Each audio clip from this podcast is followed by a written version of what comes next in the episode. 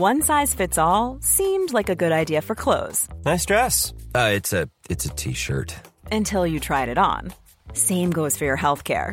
That's why United Healthcare offers a variety of flexible, budget friendly coverage for medical, vision, dental, and more. So, whether you're between jobs, coming off a parent's plan, or even missed open enrollment, you can find the plan that fits you best. Find out more about United Healthcare coverage at uh1.com. That's uh1.com. Hiring for your small business? If you're not looking for professionals on LinkedIn, you're looking in the wrong place. That's like looking for your car keys in a fish tank. LinkedIn helps you hire professionals you can't find anywhere else, even those who aren't actively searching for a new job but might be open to the perfect role. In a given month, over 70% of LinkedIn users don't even visit other leading job sites. So start looking in the right place. With LinkedIn, you can hire professionals like a professional. Post your free job on linkedin.com slash people today. Hey, it's Paige DeSorbo from Giggly Squad. High quality fashion without the price tag. Say hello to Quince. I'm snagging high-end essentials like cozy cashmere sweaters, sleek leather jackets, fine jewelry, and so much more. With Quince being 50 to 80% less than similar brands. And they partner with factories that prioritize safe, ethical, and responsible manufacturing. I love that. Luxury quality within reach. Go to quince.com slash style to get free shipping and 365 day returns on your next order. Quince.com slash style.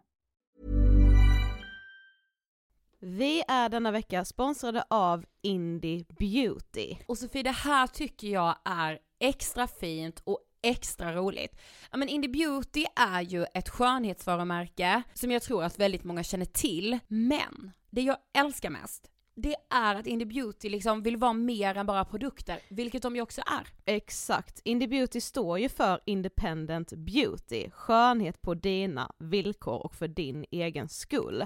Och Indie Beauty tror ju stenhårt på ett alternativt skönhetsideal fritt från måsten, skam och känslor av otillräcklighet. Där är jag helt med Indie Beauty. Jag med. Det är så jag vill att skönhet ska vara. Ja men verkligen. Och vet du vad som är nytt för i år Sofie? Berätta. Från och med i år så skänker Indie Beauty 1% av sin försäljning till Suicide Zero, Tjejzonen och Djurens Rätt. Så när man handlar produkter från Indie Beauty så kan man liksom känna att man också ger tillbaka till samhället. Ja, kraften i tillsammans. Ska jag säga en sak nu då, som Mm. jag, det, men det är detta jag är extra glad över. Nu har Indie Beauty tagit fram en keps och den tycker jag ändå så på sommaren, skydda sig från solen, Jättebra, jag älskar kepsen. men det bästa, de bidrar till Suicide Zeros viktiga arbete för att minska antalet självmord och självmordsförsök. Så för varje såld keps så går hela vinsten, 100 kronor, direkt till Suicide Zero. Då kan man liksom göra nytta både för samhället och sin hud på en och samma gång. Ja, och kepsen kostar 169, men alltså hela vinsten går då som sagt till Suicide Zero. Så om man vill göra skillnad när man är där ute i solen, nu när den börjar titta fram, då ska man välja den här kepsen. Den säljs exklusivt på indiebeauty.se och på Apotea. Tillsammans kan vi skapa en ljusare framtid. Vi ses med kepsarna på! Tack Indie Beauty. Vi är sponsrade av Mindler och som ni säkert vet sedan tidigare så är vi ju ute på psykologresan tillsammans. Men hur vet man egentligen när det är dags att söka hjälp? Ibland uppstår saker i livet som kommer utmana oss och kännas tufft. Det mesta självläker vi oss igenom, för vi är menade att ta oss igenom en viss mängd påfrestningar. Men ibland behöver man professionell hjälp för att ta sig ur jobbiga perioder i livet. Men vart går då gränsen? Vad är en del av livets skavighet och när är det läge att söka hjälp? Det sägs till exempel att stress är farligt, men att det också kan vara bra. Alla sover dåligt ibland, så när har man egentligen sömnproblem? Ångesten kommer väl krypande för de flesta någon gång. Så när ska man se ångesten som outhärdlig? Hur vet jag? Med oss som psykolog har vi såklart min gamla psykolog Linnea Seidbrant. Men Linnea, vad är egentligen utmattningssyndrom? Utmattningssyndrom är en konsekvens av svår och långvarig stress utan möjlighet till återhämtning. Vi är ju då skapta för att klara av stress, men vi behöver också återhämtning. Om du utsätts för för mycket stress under en lång period utan att du får till den nödvändiga återhämtningen så kommer kroppen till slut att säga ifrån. Och det är faktiskt så att alla har en gräns. Du kan drabbas av en rad fysiska eller psykiska besvär som trötthet, sömnproblem, hjärtklappning, besvär från magen och tarmarna och mycket annat. Och det här är ju då varningssignaler och tecken på att du kan behöva göra någonting åt din situation. Annars så kan besvären utvecklas till att du mår så dåligt på sikt att du blir psykiskt och fysiskt utmattad. Ladda ner Mindler till din telefon och läs mer på mindler.se.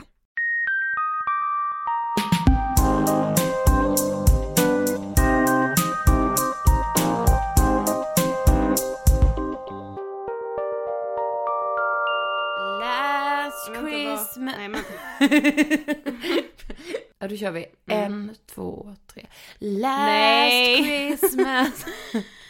Hej allihopa och välkomna till avsnitt 257 av Ångestpodden! Hej! Varmt välkomna till årets sista avsnitt. Yes, eh, god jul säger vi någon dag sent Ja. och eh, god fortsättning några dagar för tidigt. Ja men alltså verkligen, alltså kan du liksom förstå att när vi spelar in det här så är liksom julen av, alltså julafton och allt. Jag blir ju liksom lite stressad över det direkt. Helt ärligt så har jag aldrig någonsin haft så lite jul julkänsla Nej som jag med. har. Alltså jag har Det så är lite helt väck, alltså det är helt väck. Trots att man så här, du vet när man, eh, när vi kom hem nu till Karlsson så det blir ju mycket typ så tv-tittande, i alla fall för mig när jag är hemma. Eh, och sen så ser man liksom att tv-tablån, den ser ut precis som vanligt. Jag har ändå köpt några julklappar, alltså det infinner sig ingen julkänsla i mig överhuvudtaget. Men har det att göra med bara den här snögrejen eller? Nej? Äh, lite, hade, jag hade haft mer julkänsla om det hade, hade varit eh, 10 grader kallare och eh, snö. Ja men Men jag jag. tror inte det bara är det. Nej, inte jag heller. För jag tror också det, du vet, att det har gått så fort den här hösten. Alltså jag har ju verkligen varit den här som bara, gud tiden går så fort!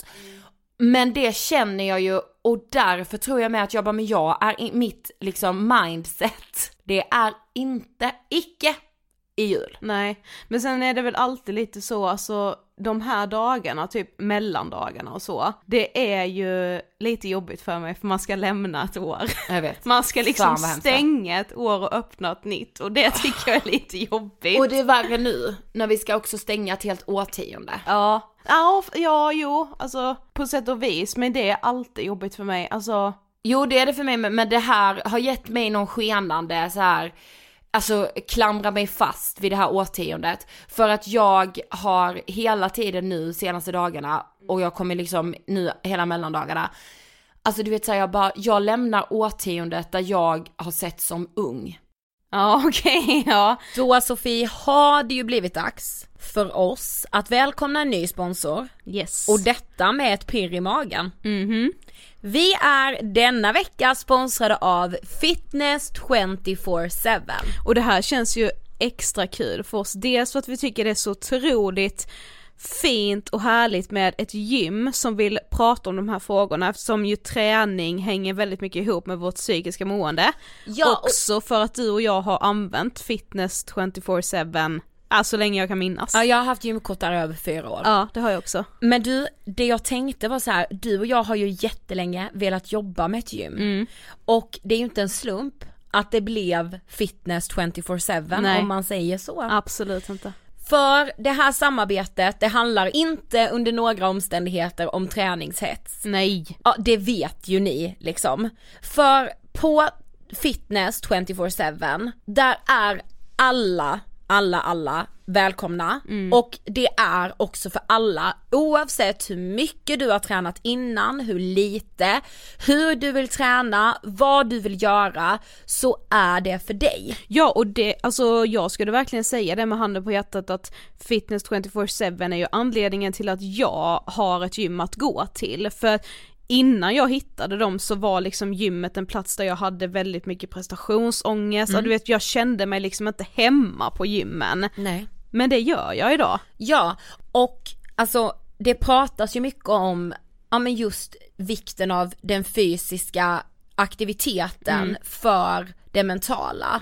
Eh, det är ju liksom ganska så beforskat hur viktigt det är. Ja verkligen. Eh, och det, det känns därför så himla pirrigt och stort att vi får jobba med fitness 24-7. Mm. En sak som jag fastnade vid extra mycket när jag skulle välja gym, det var att Fitness 24-7 har tillgång till tjejgym, vilket är helt unikt. Och det känns bara så, alltså du vet man är i de här tjejgymmen, det är så prestationslöst, det Ja. är liksom inga ögon som stirrar ut en, det känns bara så tryggt för mig som är där och tränar, som ju annars kanske är lite så här. jag är ju fortfarande lite trevande i den miljön. Ja gud ja, jag är nybörjare men Ja. jag trivs ganska bra med att vara nybörjare, jag kommer nog vara, alltså fortsätta att vara det hur länge man nu kan vara det. Precis. Men, men jag är ju alltid på tjejgymmet, det är min tryggaste plats på gymmet, Ja. att jag får vara där. Och det ska jag verkligen säga att jag märker att det kan vara tjejer där som är liksom 60 plus till liksom i 20-årsåldern och jag älskar den blandningen. Mm. Fitness 24-7 har ju inte bara som mål att alla ska känna sig välkomna till deras gym utan att gymmet också ska vara en plats där man liksom kan umgås med andra. Att det liksom inte bara ska vara fokus på träningen utan att det är liksom en plats där man så här, ja, kan mossa på någon, snacka lite med någon, alltså vet det ska vara så en samlingsplats och det tycker jag är så fint också. Ja men det gillar jag.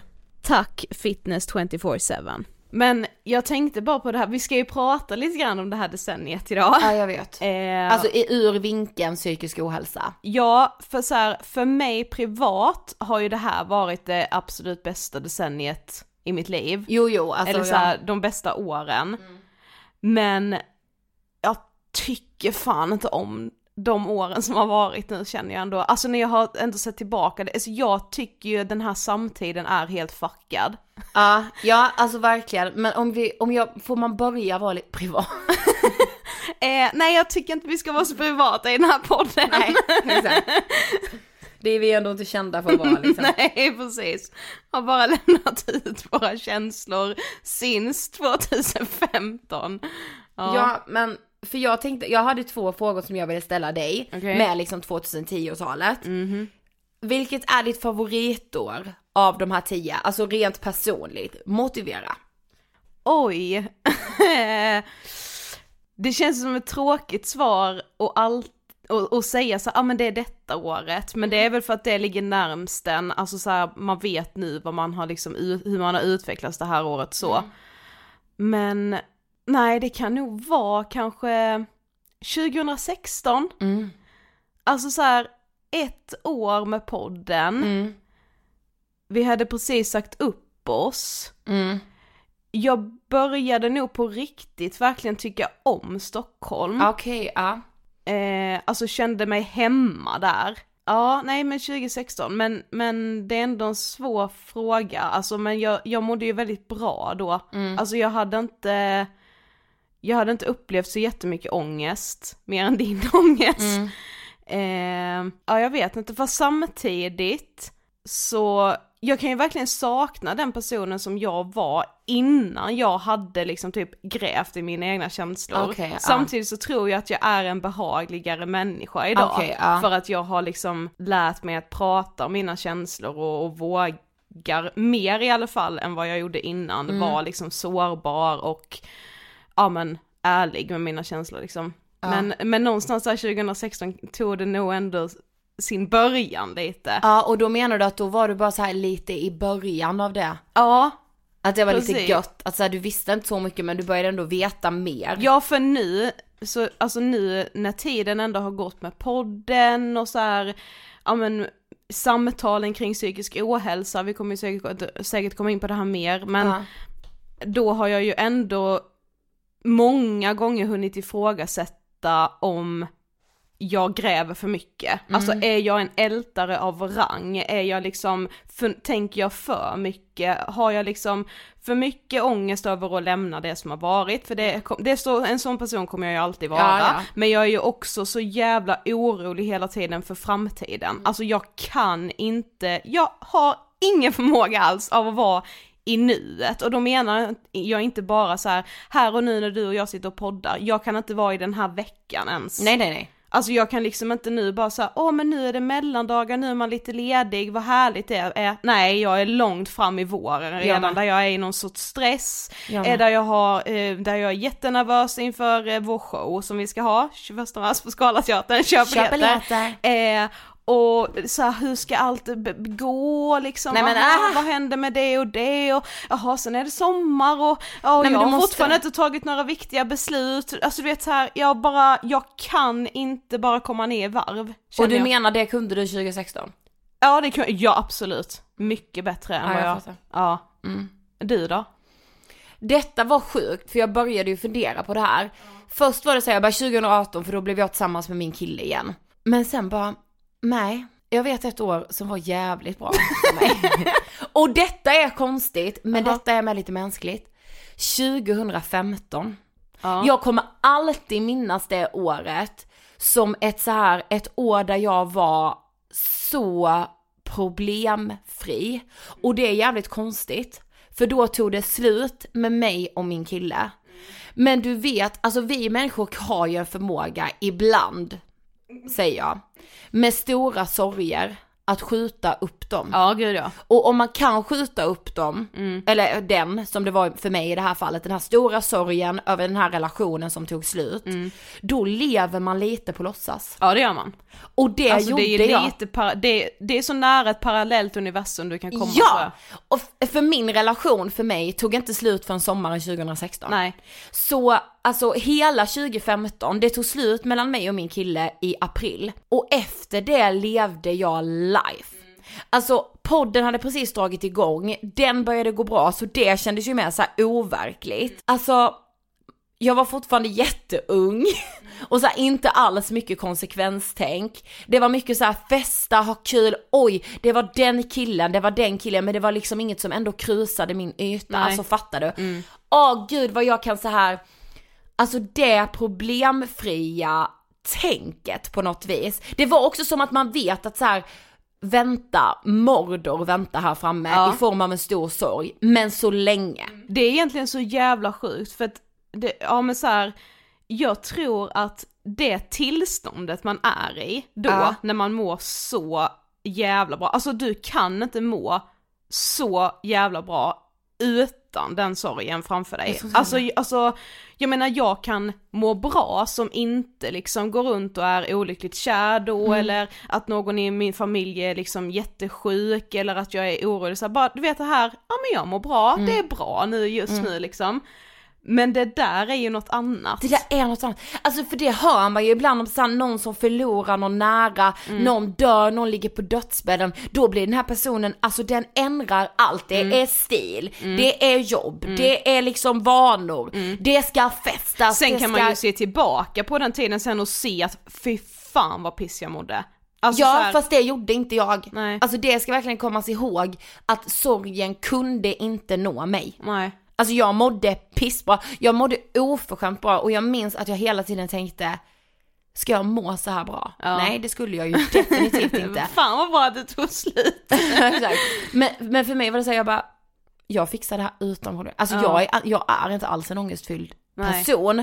Och så här, det, det vet jag inte om jag är idag heller. För det har jag, det är en helt annan grej men det är som en liten parentes. Att jag har verkligen pratat med min psykolog om det nu i min gadd. Att så här, alltså jag har utsatt mig så mycket de senaste veckorna och jag mår jag kan inte säga så här att när jag liksom känner i mig själv att jag mår bättre, men jag har gjort sådana framsteg och då är det så viktigt att jag omvärderar vad jag säger om mig själv. Ja. Jag kan inte prata om mig själv längre i ordalag om att jag är en så orolig person. Nej. För nej, det är jag kanske inte alls det. Det är min gadd som har varit ett hinder för mig i det. Och, men du vet alltså, Alltså att dra parallellen till att då kände jag så här att jag ska ju vara en person nu som är skitledsen, det har tagit slut, det här är jobbigt. Men jag kunde inte ta in att det hade tagit slut, alltså förstår du? Den så, jag kunde inte nå den. Nej. Den fanns helt utom räckhåll. Och då var, alltså kvar fanns bara så här på låtsas. Ja. Och det är så skönt ibland att få leva lite på låtsas. Ja, verkligen. Ja. Det är det ju. Men när jag tänkte tillbaka lite på, eller jag ska också bara lite snabbt prata om en grej som jag har tänkt att jag vill ta upp men som jag inte har kunnat göra för att vi har gjort serien om Aha, kvinnohat. mm. Med, med mitt, inte mående, den senaste tiden, men jag har märkt att i vissa situationer har jag, jag vet att du och jag har redan pratat lite om det här, men Ja. alltså i vissa situationer kan jag just nu känna en ilska som jag blir typ rädd för. Alltså Jag jag har varit så arg den senaste tiden på saker som jag absolut inte kan styra över. Alltså det, och det är, jag blir så arg så att jag tycker att det är obehagligt. Jag bara, men gud, alltså hur kan jag bli så arg för att någon råkar gå in i mig med en barnvagn på Konsum? Alltså du vet, nej men jag blir vansinnig. Och jag har också märkt att jag har, alltså jag lägger så mycket energi på personer som, jag vet inte om det grundar sig i att jag är avundsjuk på personerna, men du vet så här och det här kanske har lite med det här decenniet att göra också, för jag läste ändå en artikel om det här att man pratade om, alltså tiden 00 till fram till 2010 var liksom rädslans decennium, alltså man var väldigt rädd för saker. Och det här decenniet har varit ilska. Och jag bara, gud vad det stämmer in på mig. Då hade jag redan, innan jag läste den här artikeln, hade jag redan skrivit upp i mina egna anteckningar att jag ville prata lite om ilska, för jag har känt jättemycket ilska, kanske, ja så, kanske främst de två senaste åren, men bara nu på senaste tiden har det blivit så här, ja men typ, eh, ja men det är orimligt vad arg jag kan bli över att det blåser lite för mycket. Att eh, bussen är för sen. Ja, alltså jag vet, jag vet- vet inte om det är att jag kanske har ångest för något annat Ja, men det är det ger det sig uttryck. Ja, för Så. jag, det är det jag tänker direkt så här. alltså vad vad kommer det ifrån? Ofta kommer det ju från att så stress, Ja. det kommer från någon ångest, alltså det är ju, alltså för känslor och att må dåligt, alltså det sipprar ut. Stubinen min är så kort att... Lång är den inte. Nej den är det fan, den växer inåt Jag min fattar. stubin. Just nu känner jag. Eh, men, Men, men alltså eh, okej, men känner du mer så här att du blir ledsen för att du blir så alltså du vet så här att du bara varför blir jag så här arg, alltså jag får panik nej, på mig själv för att jag blir så arg, alltså. Jag är inte ledsen men jag är ju rädd att jag ska uppfattas som en jävligt sur människa. För att, alltså jag har ju märkt att du blir så här arg Ja. ibland. Jag kan ju också bli arg, men alltså jag tror inte att jag har tänkt på det så som att, alltså, Och jag har verkligen tänkt varför blir jag så arg? ja men alltså jag har ju med märkt ibland, alltså det ska jag ju ärligt säga att jag har ju med tänkt, okej Sofie blir orimligt arg för det här nu i Ja. trafiken. Ja typ. men precis. Alltså, Ja. det kan jag säga, det har jag också märkt. Ja, jag men bara, vad tänker du då? Alltså vad, vad kommer det ifrån? Jag tror att det är stress och inte stress som är, åh gud vi har så mycket att göra. Nej. Alltså vet så här, för det pratade jag lite om igår för att jag eh, pratade med eh, mamma och en kompis här, bara jag har sovit så dåligt, jag har haft liksom ont i huvudet Precis, den här. för det har du också gjort, du har ja, sovit dåligt. när det Mm. sitter liksom, när det bara trycker bakom ena ögat typ, Ja. smärtan. Eh, och, och så frågar de bara, men har ni haft mycket nu? Jag bara, nej, nej det har vi inte. Men det är nog bara mycket liksom, inte med ångestpodden eller liksom med vårt jobb, men det är så mycket annat samtidigt runt omkring. Du vet så här, vad vill jag bo egentligen? Vad ska, alltså du vet så här, det är så mycket egentligen. Alltså jag ställer mig frågan egentligen, som att jag går runt och lajvar någon sorts person som inte är jag typ. Alltså, och sen samtidigt kan jag ju bli irriterad, för jag blir, kan ju bli så här på andra människor som grubblar väldigt mycket att så här, men tänk inte så mycket, alltså det spelar inte så stor roll, det är Nej. ingen som går runt och vet, alltså du vet så här, när vi poddade med Johannes Hansen och, och han hela tiden sa bara, ja men lär dig leva med det för alla människor tänker så. Ja. Alla har ett bluffsyndrom eller ingen vet egentligen vem man är, man har olika roller i olika situationer Ja, och så här sammanhang. det kanske är mycket sånt som bara har kommit till mig nu och som jag försöker lära mig att acceptera. För jag har inte trott att det är så. Men om jag säger så här då. Terapi. Ja. För du vet, alltså tänk hur många år vi har sagt att du ska börja i terapi. Jo men jag vet, men det är för att jag, så här, jag har ju inget typ egentligt problem. Ja men, ja men det där är det typiska, alltså så, så kan ju alla tänka. Jag skulle ju också kunna tänka att, gud jag hör om att det läggs ner eh, avdelningar i Sverige för tung, svår psykisk ohälsa och psykiska sjukdomar. Jag vet att så här, eh, eh vården för eh, psykospatienter, att den har, alltså det är sådana nedskärningar där. Det är som att jag då skulle tänka att så här, men snälla, gadd jämfört med psykos. Nej men du har ju ändå du kan ju sätta ord på liksom vad som blir problematiskt. Fast det blir ju problematiskt att du inte kan sova, det blir ju problematiskt att du blir så arg och att du blir rädd för det. Ja, men det har ju varit nu på sista tiden, alltså. Ja men också och. Ja. Jag tycker det har funnits det innan, men det känns som att du är, alltså du har en egen bild av dig själv, att du inte är så ångestfylld, mår så dåligt eller Ja. sover så dåligt. Och det blir ju liksom problematiskt, alltså tänk själv hur många gånger vi har sagt hur viktigt det är, alltså du kanske behöver terapi tre gånger. Ja. Mm. ja. Men du tror mig att säga gud vad ska jag säga? Alltså, Ja. Nej men du vet såhär vad ska jag säga Nej det men så här, det känns ju som att skulle jag sitta mitt emot en psykolog eller om jag skulle, jag skulle ju förmodligen använda en eh, nätpsykolog Ja. Då skulle jag bara ringa och de skulle bara, jaha vad är problemet? Och jag bara, jag vet Nej inte. fast det skulle de hjälpa dig med för de skulle ju med såhär, fast du ringer ändå hit. Ja, men då blir jag så ja varför gör jag det då? Alltså du vet, nej men jag vet inte, alltså. Nej, men är du, är du rädd för terapi? Alltså kan du nej vara så här, det är jag ju verkligen inte, alltså Alltså såhär, vad kommer vi hitta då? nej, det skulle jag inte säga att jag är. Nej. Jag skulle ju tycka att det var intressant i sådana fall. Det är Ja. mer bara så här, ja men, ja, men jag vet inte. Alltså det är bara, jag har ändå tänkt på att jag har varit, blivit arg på små saker liksom. ja men så läste jag i alla fall den här artikeln då, eh, samtidigt som jag satt och funderade på min egen ilska. Ehm, och det här är en artikel då i Göteborgs-Posten som är skriven av idéhistorikern Anton Jansson. Som skriver då 10-talet var vredens tid. Okej. Kan en tidsperiod ha känslor? Ja, varför inte? I alla fall verkar vissa känslor dominera tidsandan i vissa perioder. Nu hoppar jag lite här i texten, men nu står vi inför ett nytt decennieskifte och kan blicka tillbaka på ett årtionde där terrorhot och finanskris inte spelat ut sin roll, men som ändå sett annorlunda ut än decenniet innan. Vad känner ni nu? Om ni har tänkt på att ni de senaste åren sett mycket ilska, upprördhet och vrede omkring er, eller rent av varit heligt förbannade själva, så är ni inte ensamma. Att människor är arga har de senaste åren pekats ut som typiskt för vår samtid, så kanske har 10-talet varit just vredens årstid.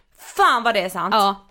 Det tror jag va- Alltså har någon kunnat föra en enda kamp utan att det är sån jävla ilska mot någon som inte tycker likadant, mot någon som råkar säga lite fel, mot någon, alltså det, det är liksom, du har ju själv, jag blir för fan förbannad bara jag ens säger att folk blir förbannade. Ja, för jag, jag tycker, och det, men det är det jag har funderat på lite så här, hur, hur mycket är jag skyldig till det här själv då? För du vet så här, ja, det har man ju verkligen sett, eller känt att så här, fan, alltså folk på internet är det ju framförallt, letar ju verkligen efter saker att bli upprörda gud, över. ja. Så att de får föra sin kamp, eller vad Ja, det nu är. Nej det är väl typ att de måste få ut sin ilska på något sätt. För de känner väl precis som jag att de går runt och är arga på småsaker och måste liksom applicera det någonstans. Men jag känner ju, jag har inte dragit det så långt kanske att jag har börjat eh, jag har något jävla haveri i någon annans kommentarsfält på grund av min Nej. ilska. Men du och jag kan gå hemma och vara så arga på saker Vi och kan ting ju koka. på liksom saker som bara såhär, men skit i det bara! Ja jag vet, men så Lägg kan ner! jag inte det. Nej. Och vad grund, alltså är jag avundsjuk då liksom? Alltså, jag känner, Ja. jag måste ju på något sätt kunna ta något exempel här för att ni ska fatta vad jag menar, men det kan vara liksom så här. säg en influencer Ja. som från början har profilerat sig som att vara en person som liksom bara ska prata om så här lycka och framgång, liksom de här Ja. typiska framgångsrecepten liksom. Eh, eller liksom, ja men så här lever jag för att ha det härligt liksom. Vilket kan vara jätteinspirerande och bra, jag tycker det är jättebra liksom. Men så ska man helt plötsligt börja ta sig in i frågor som man inte har någon jävla aning om överhuvudtaget. För att man typ ser att det är lite trendigt. ja precis. Eller att man ska föra en, en kamp för att man, man gör så mycket av bekräftelsen av att leda den här kampen. Precis. Mm. Utan att man egentligen behöver driva någon sorts kamp. Alltså man har ändå sin trygghet säkrad på något sätt. Mm. Alltså, samtidigt som så här, ilska kan ju Greta Thunberg hade aldrig satt sig på Mynttorget om hon inte hade känt en ilska. Nej, alltså verkligen, vi hade fan inte fortsatt med den här podden om vi inte hade känt en ilska. Precis, det kan ju vara en sån sjuk drivkraft ju. Men jag Och- tror så här, alltså det måste, man måste ju också rannsaka sig själv vad man riktar den ilskan mot eller på. När man helt plötsligt är inne i ett kommentarsfält hos någon och riktar en ilska mot en individ samtidigt som 300 andra riktar den ilskan. Då tycker jag att så här, då, då blir det lite farligt. Men vet du vad jag också tror som är typiskt för vår samtid, utan att vara någon analytiker? Den här, mycket av den här ilskan och det här hatet då som kan spridas i någon annans kommentarsfält, egentligen ska det här, det här hatet vara kritik, men vi är helt oförmögna att ge kritik idag. Och ta den. ta den. Vi kan inte ta emot den, för att Nej. vi, om vi får kritik så säger vi att usch nu får jag hat. Precis. Men väldigt många människor, inklusive jag själv, vet typ inte riktigt hur vi ska liksom framföra kritiken. Nej. Men är det också att man är så rädd för att den här personen ska ta det som hat för att vi är så jävla ängsliga också själva. Precis. Alltså hur, hur skulle du säga, är du bra på att ta kritik? Absolut Nej. inte. Jag är fruktansvärt dålig Ja, på att ta jag kritik. är så dålig. Ja. Alltså, jag, jag tar ju det som att jag är så hatad. Precis. Alltså, det, det blir liksom ett mothugg i Mm. mig varenda gång. Och den här, precis, jag blir ju liksom, känner mig hatad och kan liksom till en början bli väldigt förbannad för att jag får den här kritiken. Men det slutar ju alltid i att jag blir skitledsen och jätteängslig och bara puh hu hu jag är så jävla dålig Ja, liksom. precis. Ja. Eh, ja. ja, alltså å ena sidan, alltså här är jag jättesudelad, för å ena sidan tycker jag att att vi människor måste få mycket mer utrymme till att göra fel, säga fel innan liksom ett helt jävla gage av anhängare i sociala medier ska komma och så här, ja hjälp liksom, hata. Eh, men å andra sidan så tycker jag så här, sluta liksom, gör du fel ska, får du väl fan i mig ta det. Alltså då får du väl stå för det. Alltså så här, det beror väl på skada, alltså så här, allting är ju ganska så här från fall till fall. Men jag vet inte, jag tycker det är skitsvårt. Men jag tänker också att 10-talet kommer vi se tillbaka som ett, ett årtionde där jag tänker så här att Alltså i, om, om man ser tillbaka typ så här 100 år, vad var asviktigt då? Ja men det var religion. Och vi människor vill tillbe. Eh, ja men saker, ja men som en religion då där vi liksom lever efter de här lagarna men vi gör ju fortfarande det även om religionen, det kristendomen är inte jättecentral nu. Eh, eller islam eller eh, katolicismen, även om den såklart existerar för miljontals människor. Men här i Sverige, i vårt samhälle så är den ju liksom inte så påtaglig. Men däremot tillber vi ju andra saker. Vi tillber Linnea Claesson som är feministisk ikon, Mia Skäringer, vi tillber dem. Jimmy Åkesson, vi, vi tillber personer som Joakim Lamotte. Alltså att de blir sådana eh, figurer som vi på något sätt tillber, alltså fattar du vad jag menar? Eh, och att det tror jag kommer vara verkligen så 10-tal. Mm, och då blir det problem, för eh, om vi, om vi då ser på hela det här med, med Linnea Claesson, alltså hela, alltså det har ju varit Mm, ett jättedrev ja. eh, kring henne och just att hon har ljugit om saker, hon har eh, tagit exempel som egentligen inte existerar, hon har tagit andras historier men alla har tolkat det som att det har varit hennes. Alltså jag är så, så, så, så kluven i Det är det jag med. För hur, alltså vi, alltså en hel samtid har tillbett henne som ett jävla orakel. Precis. Hon är ju bara en vanlig människa, alltså hon kommer aldrig kunna leva upp till att vara en superwoman som en tecknad seriefigur Nej. som vi har gjort henne till. Det är klart att vi kommer bli besvikna, men vi menar jag folk, alltså så här, hennes följare. Quality sleep is essential. That's why the Sleep Number Smart Bed is designed for your ever evolving sleep needs. Need a bed that's firmer or softer on either side? Helps you sleep at a comfortable temperature? Sleep Number Smart Beds let you individualize your comfort so you sleep better together. JD Power ranks Sleep Number number 1 in customer satisfaction with mattresses purchased in-store. And now, save 50% on the Sleep Number limited edition Smart Bed for a limited time. For JD Power 2023 award information, visit jdpower.com/awards. Only at a Sleep Number store or sleepnumber.com. Hiring for your small business? If you're not looking for professionals on LinkedIn, you're looking in the wrong place. That's like looking for your car keys in a fish tank. LinkedIn helps you hire professionals you can't find anywhere else, even those who aren't actively searching for a new job but might be open to the perfect role. In a given month, over 70% of LinkedIn users don't even visit other leading job sites. So start looking in the right place. With LinkedIn, you can hire professionals like a professional. Post your free job on linkedin.com slash people today. Hey, it's Ryan Reynolds, and I'm here with Keith, co star of my upcoming film, If, only in theaters, May 17th. Do you want to tell people the big news? All right, I'll do it. Sign up now and you'll get unlimited for $15 a month in six months of Paramount Plus Essential Plan on us. Mintmobile.com slash switch. Upfront payment of $45 equivalent to $15 per month. Unlimited over 40 gigabytes per month. Face lower speeds. Videos at 480p. Active Mint customers by 531.24 get six months of Paramount Plus Essential Plan. Auto renews after six months. Offer ends May 31st, 2024. Separate Paramount Plus registration required. Terms and conditions apply if rated PG.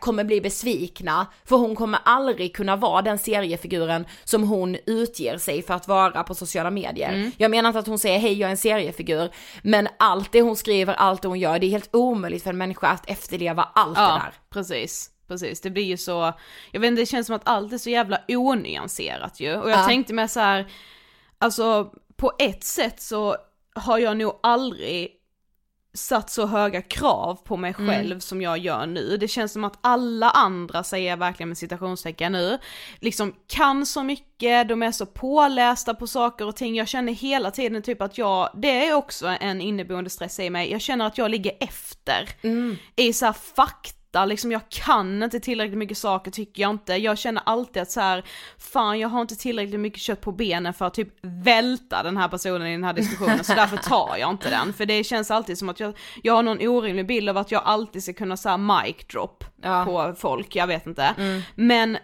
samtidigt så är ju allt så kravlöst idag för att information och fakta är 0% viktigt nowadays. Bra, för det är en av mina punkter Ja. som vi också kommer se tillbaka på 10-talet Mm. som.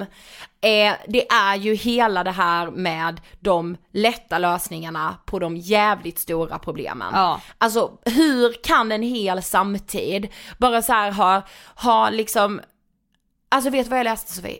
Som alltså, har med detta att göra, som är så jävla jävla jävla sinnessjukt. Våra hjärnor, människohjärnan, har inte utvecklats på flera tusentals år. Ja. Alltså vi har liksom, alltså vår hjärna är exakt likadan som den var för tusen år sedan. Ja. Alltså förstå då att så här, okej, nu har då hjärnan ändå så här, jag, har sk- jag är nere i en depression, vad kan jag göra? Att det, jag skulle inte säga att för alla idag är ju inte top of mind. Jag går och söker hjälp Nej. i form av vårdcentral eller terapi. Vilket jag också förstår, för det funkar ju inte. Precis. Alltså vården är ju så bristfällig. Vad har hänt då? Jo, det har vuxit fram det som man i folkmun kallar alternativ medicin. Som ska vara liksom så lite effort för mig som människa som möjligt. Men det ska ändå lösa det absolut största problemet jag har just nu. Och när jag säger det så här tycker jag ju själv att det låter helt orimligt. Men jag vet också hur det är att vara helt jävla ja men att allt bara känns så hopplöst, att det inte finns en enda lösning. Så om någon presenterar för mig i en bok, som kanske heter Kimchi och kombucha, att de här örterna skulle liksom vara behjälpliga för mig i min depression, självklart tar jag det till mig. Ja och det blir ju också, alltså när det kommer en sån våg av en sån enkel lösning som till exempel kimchi och kombucha, eh, alltså alla, säger jag återigen med citationstecken, går ju på det, så även om du som mår skit tänker att så här, det här kan omöjligt hjälpa, så vill man ju ändå ge allting ett försök. Dels för att man inte liksom, man vill ju bara säga, ja men om någon kommer då bara, men har du testat det här? Så vill man kunna säga, ja det har jag. Alltså man vill Precis. liksom inte vara den då som bara, nej men det tror jag inte på, för då är du plötsligt den som inte vill bli frisk. Exakt. Alltså det, jag, jag läste lite så här hälsotrender eller typ så här hur man från 00-talet fram till idag, hur liksom den ändå har förändrats, alltså de här trenderna. I början var det väldigt mycket så här, ja men det skulle ju extrembanta. Mm. Eh, och då var det ju ofta så här barnmatsdieten, Ja. flygvärdinnedieten, alltså mycket dieter. Ja verkligen. Det gick sen över till det här, ja men 5-2-dieten, Mm. LCHF, LCHF, ja. alltså det är fortfarande dieter men det är lite mer rimligt än att bara äta barnmat Ja. liksom. Men nu i slutet, liksom de senaste åren, har man verkligen sett hur det har gått från att bara vara fokuserat liksom på kroppen och att man typ ska gå ner i vikt, till hela den här helhetsbilden då, Mm. där det liksom är yoga, meditation, eh, sellerijuicer, eh, det som liksom ska få hela dig att må bra, vilket på ett sätt ju är bra för att nu har vi ändå kommit till en punkt där många ändå har fattat att det går inte riktigt skilja på den fysiska hälsan och den Och den psykiska, psykiska, hälsan nej. för det hänger verkligen, verkligen ihop.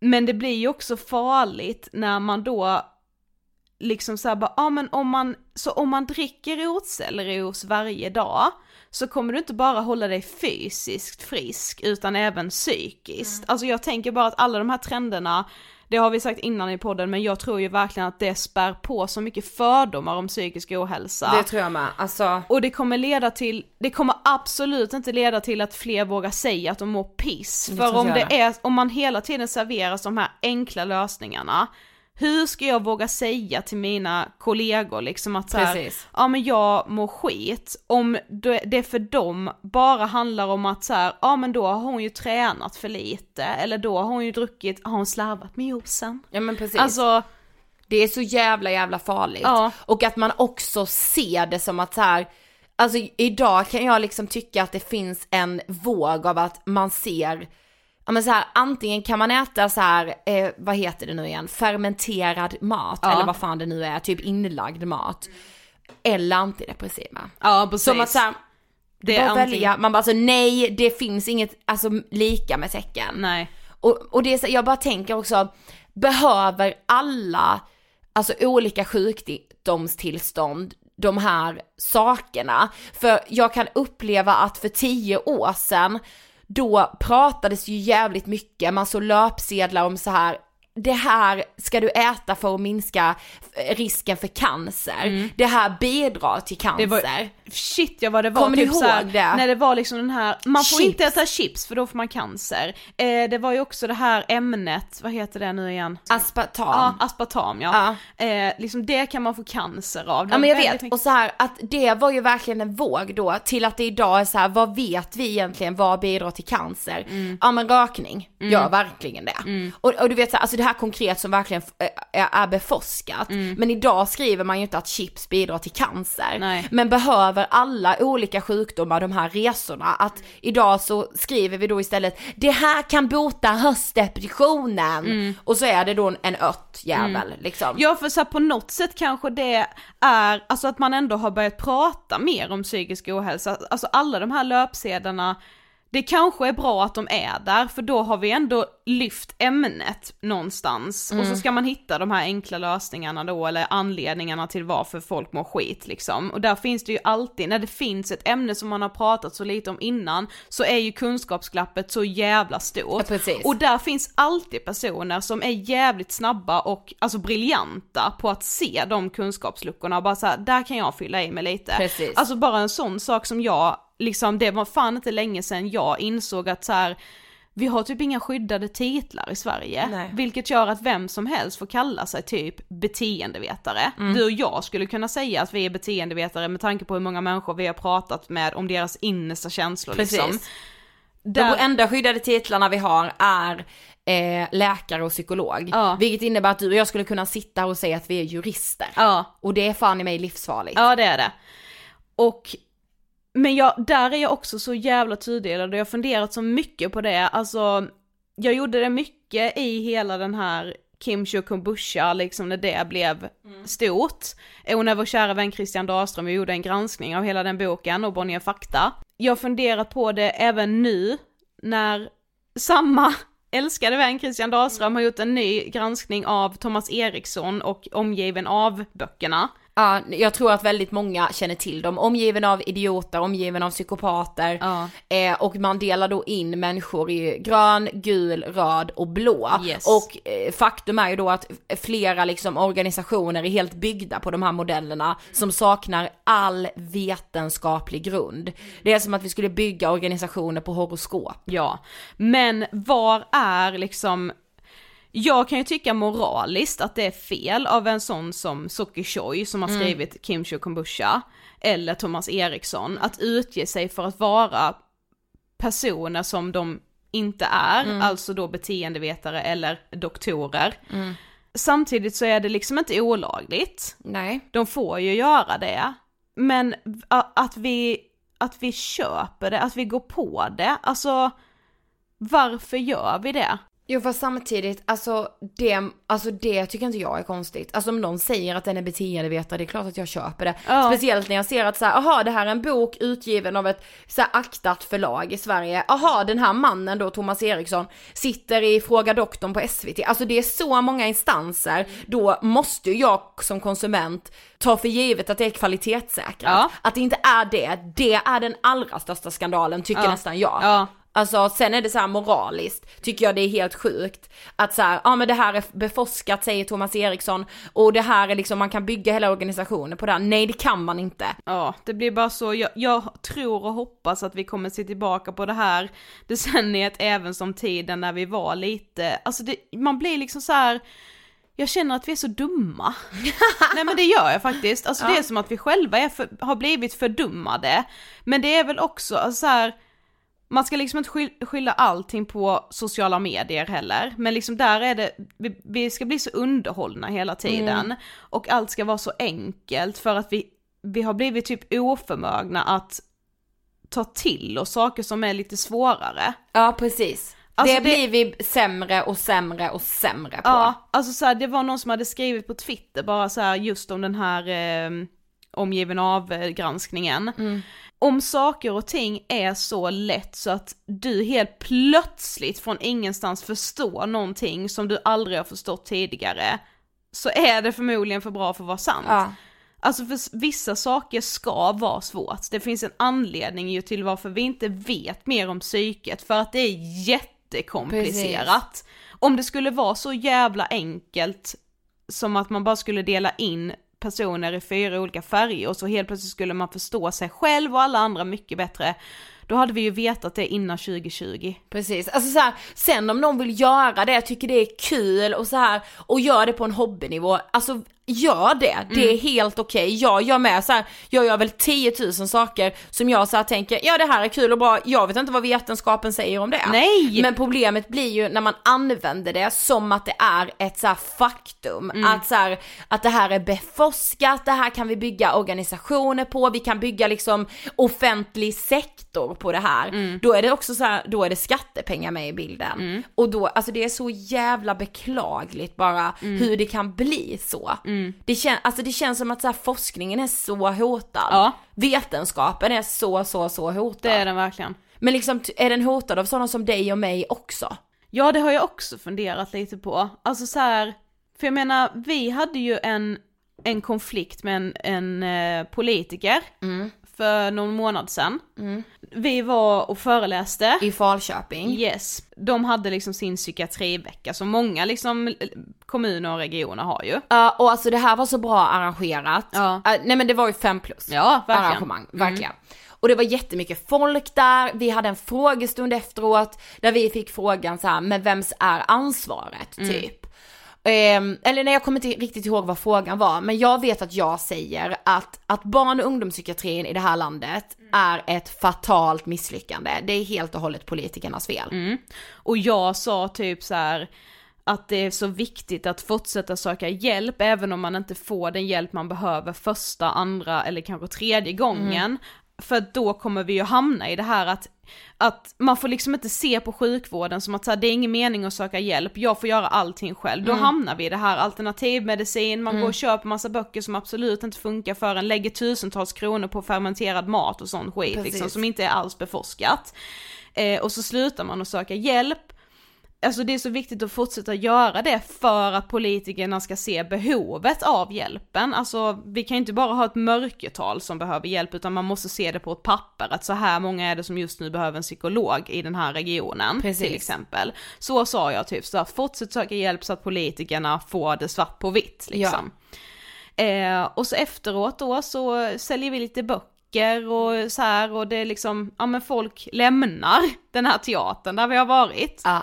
Förutom en kvinna som står kvar och vi bara okej hon är verkligen angelägen om att prata med oss. Exakt. Så här, vad spännande. Ja.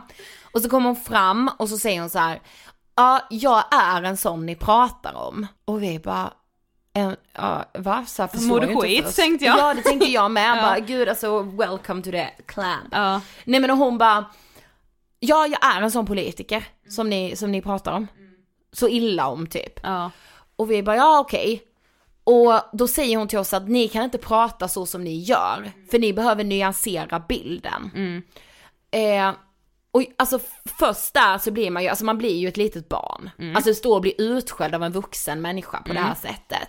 Och det slutar liksom inte där. Hon säger att det är sådana som vi som gör att det ingen, att det inte finns någon som vill jobba inom psykiatrin när vi pratar som vi gör. Men så frågar jag ändå henne, menar du att du kan säga till oss att barn och ungdomspsykiatrin i det här landet inte är ett fatalt misslyckande. Kan du säga det? Och då säger hon att, ja men den är inte dålig här i Falköping. Och det kan jag ju tycka är ett sådär svar om jag ska vara helt jävla ärlig. Ja, ja, hur stort är Falköping liksom? men verkligen. I det stora hela, ja. Ja.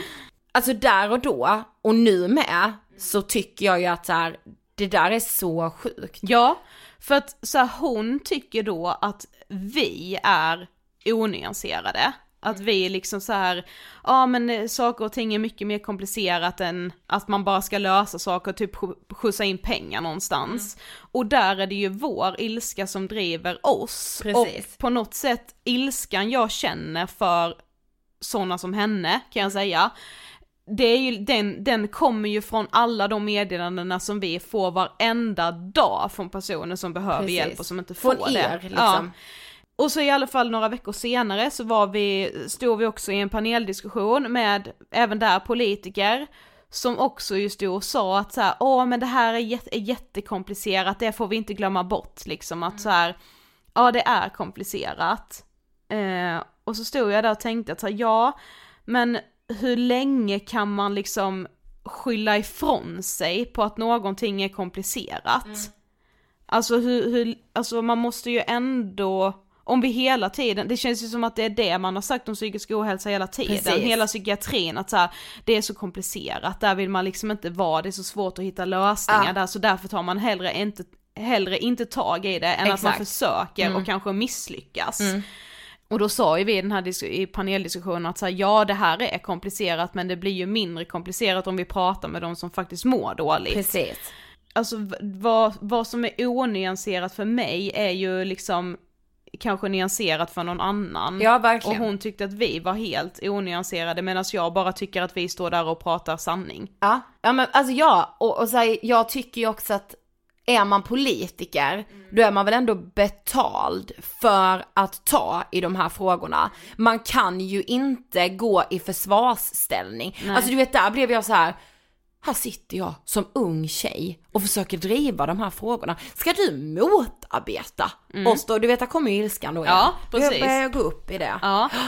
För liksom lite av det hon sa har jag ju ändå, jag, jag tar ju med mig det, att jag, jag vill ju inte bli den personen som, ja men du vet här, det får inte bli Ida och Sofie som driver Ångestpodden, de bara driver på om att saker är skit hela Nej. tiden, att ingenting går framåt, att vi då skulle se som de här onyanserade personerna Precis. som nästan inte vill att saker och ting ska gå framåt i den här Precis. frågan. Jag menar, drömmen är ju att Ångestpodden inte skulle behövas. Ja, men verkligen. Alltså så här, man vill inte bli den personen som bara går och harvar i allt och att vi fortfarande skulle sitta här och bara vi måste prata mer om psykisk ohälsa, att det bara, att vi Ja. liksom, att ingenting skulle ha hänt sedan 2015 för Precis. det har det ju. Ja, Ja, jag vet, samtidigt så när man får en sån jävla avhyvling som Ja. vi ju fick där, så blir det ju återigen att jag ställer mig frågan, ja men shit, är jag, har jag fortfarande för lite kött på benen för att liksom få, få driva en fråga?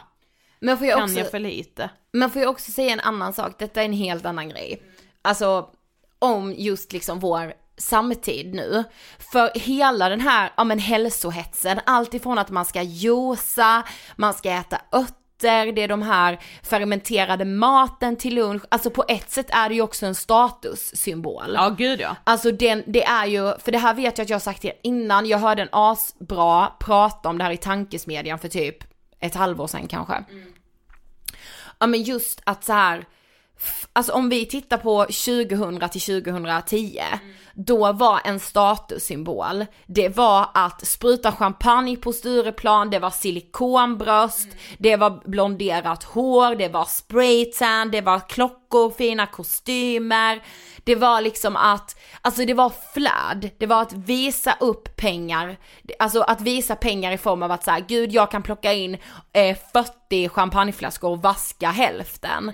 Jag bryr mig inte. Det var Saint-Tropez, Bås, alltså du vet det var hela den. Vi växte ju upp med det, vi hade våra blickar på det när vi liksom var... Skjorta, kavaj och röda byxor. Ja men verkligen, skjorta, kavaj och röda Ja, jävla byxor. verkligen, verkligen. Alltså, ja men verkligen. Och 2010 till 2020 har ju varit tvärtom. Alltså statussymbolen nu, det är ju nästan så att späka kroppen. Ja. Duscha svinkallt, gå upp astidigt, sov jättelite, jobba pisset av dig. Alltså det är nästan så att man man ser ju nu, alltså om, om 2000 till 2010 var så här, slappa så mycket som möjligt, det är status. Ja, så här, man vill ju jobba så lite som möjligt och förtjäna så mycket som möjligt samtidigt. Liksom. Så har 2010 till 2020 verkligen, verkligen, verkligen varit nosa på väggen. Ja. Konstigt att folk blir så jävla utbrända, nej, för att det är status idag. Precis. Och att allt liksom handlar ju om det personliga varumärket. Ja. Vilket också alltid bara är så kopplat till det du gör liksom. Det, det du gör för att tjäna dina pengar. Precis. Inte alls mycket så här, ja men hur är du i ditt privatliv? Hur bra är du på att vårda dina relationer? Eller hur bra är du på att ta hand om dig själv liksom? Eh, alltså du ska bara ta hand om dig själv, säger jag med citationstecken, om det ger dig någonting rent professionellt. Alltså till exempel då typ, ja men jag, jag, jag tränar men jag gör det klockan fem på morgonen för att jag sen ska ha hela dagen framför mig där jag känner mig så kreativ, där jag får så Precis. mycket saker gjort, bla bla bla. Alltså att du ska hela tiden kunna fylla på det till ditt liksom personliga varumärke då som du outar då i sociala medier för att se ut som den här jävligt framgångsrika personen som liksom mår jättebra hela tiden. Ja, må bäst vara bäst. Ja men Ja, precis. men alltså verkligen. ja. Det tror jag är, alltså det kommer vi också verkligen se tillbaka på att så här, det blev, alltså vi ska liksom, ja men späka kroppen.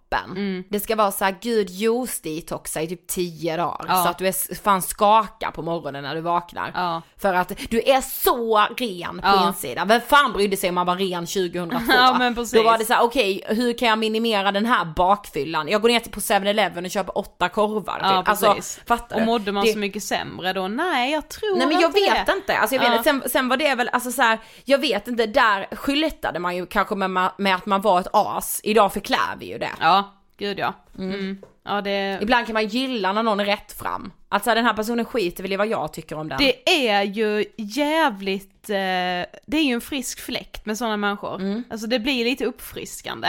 När någon Mm. sen, så, vågar. så här, sen om någon gör välgörenhet eller bra saker, det vill jag ju absolut inte att folk ska sluta med. Nej. Du hör ju, jag vet inte vad jag tycker om 10-talet. Kanske för att jag fortfarande är i det liksom. Precis, alltså jag tror egentligen inte att man skulle, man kommer ju liksom inte kunna göra någon djupare analys av det här decenniet förrän nästa decennie börjar leda mot sitt slut. Precis. Då kommer vi se tillbaka på det här. Alltså, Men jag vill också nämna en händelse som för mig, alltså kommer vara med mig jätte, jätte, jättemycket under 10-talet. Alltså det är verkligen Aviciis död. Kanske för att jag, jag vet inte, alltså det här, det känns ju som att det har berört en hel värld. Men alltså för mig blir det ju så starkt eftersom jag har självmord nära mig också i familjen. Eller med min faster då.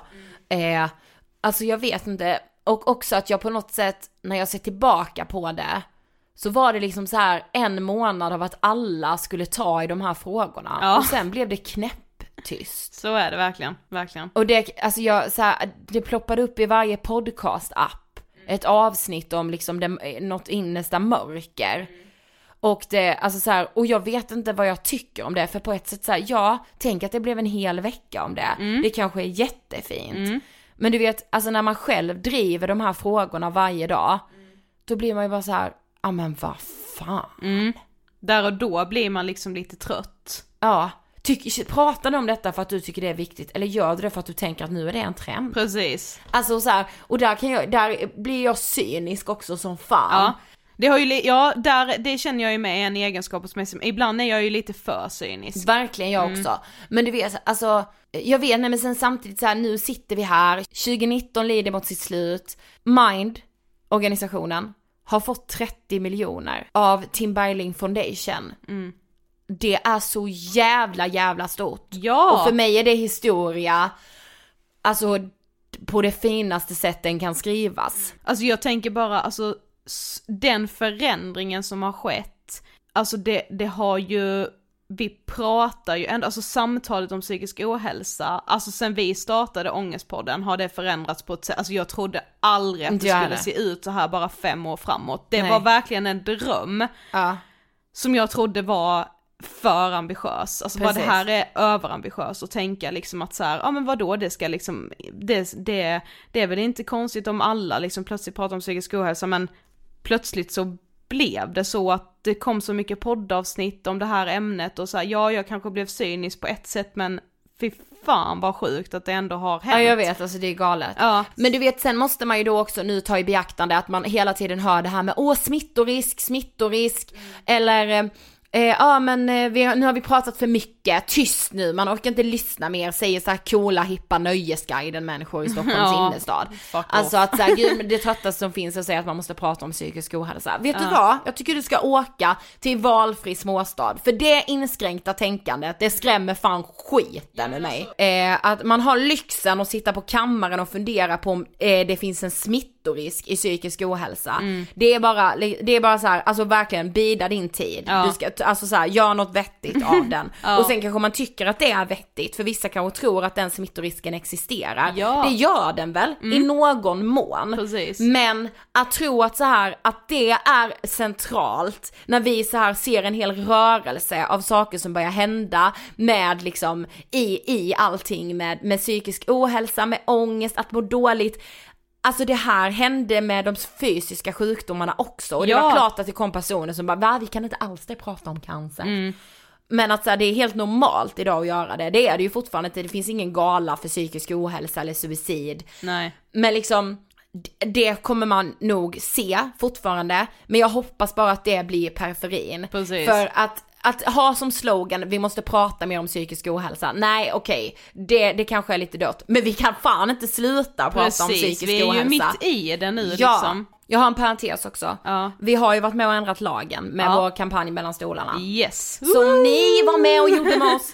Alltså nu har liksom, det kom ett pressmeddelande från regeringskansliet om att de tillsätter en utredare som ska kolla på, alltså exakt det där vi typ ville. Ja men det var ju en av punkterna som vi lämnade över Ja. till socialminister Lena Hallengren i våras. Att det ska finnas en samordnare som samordnar vårdkontakterna för unga inom liksom hälso och sjukvården. Mm, och för att- speciellt när man söker för psykiska symptom. Liksom. Precis, för innan detta har det varit mycket att man måste hålla, hålla koll på sina egna kontakter eller att föräldrarna måste göra Och det är fan ett heltidsjobb. Ja det, det Så- så, ska det inte vara. We made it! Yes. Mamma, we made it till riksdag! Ja men eh, med de väl valda orden så Ja. vill vi ändå önska er liksom ett, ett gott nytt år. Ja, och hoppas att ni har haft en god jul. Ja, Alltså tack, tack, tack för att ni lyssnade denna veckan också. ja men jag skulle säga detta året. Nej men Sofie! Ja fan. det är så sjukt ju. Ja, Ja. nästa gång vi hörs är det liksom 2020. Hoppas ni har köpt biljett till vår show. Annars gör det. All info finns på skalapteatern.se. Och vi hörs nästa vecka i 2020. Ja, ja precis som vanligt. Och skriv, vad tyckte ni om det här avsnittet? Vad tänker ni om 2010-talet? Bomba vår DM, vi heter Angestpodden på Instagram. Yes. Ha det bäst. Puss hej då.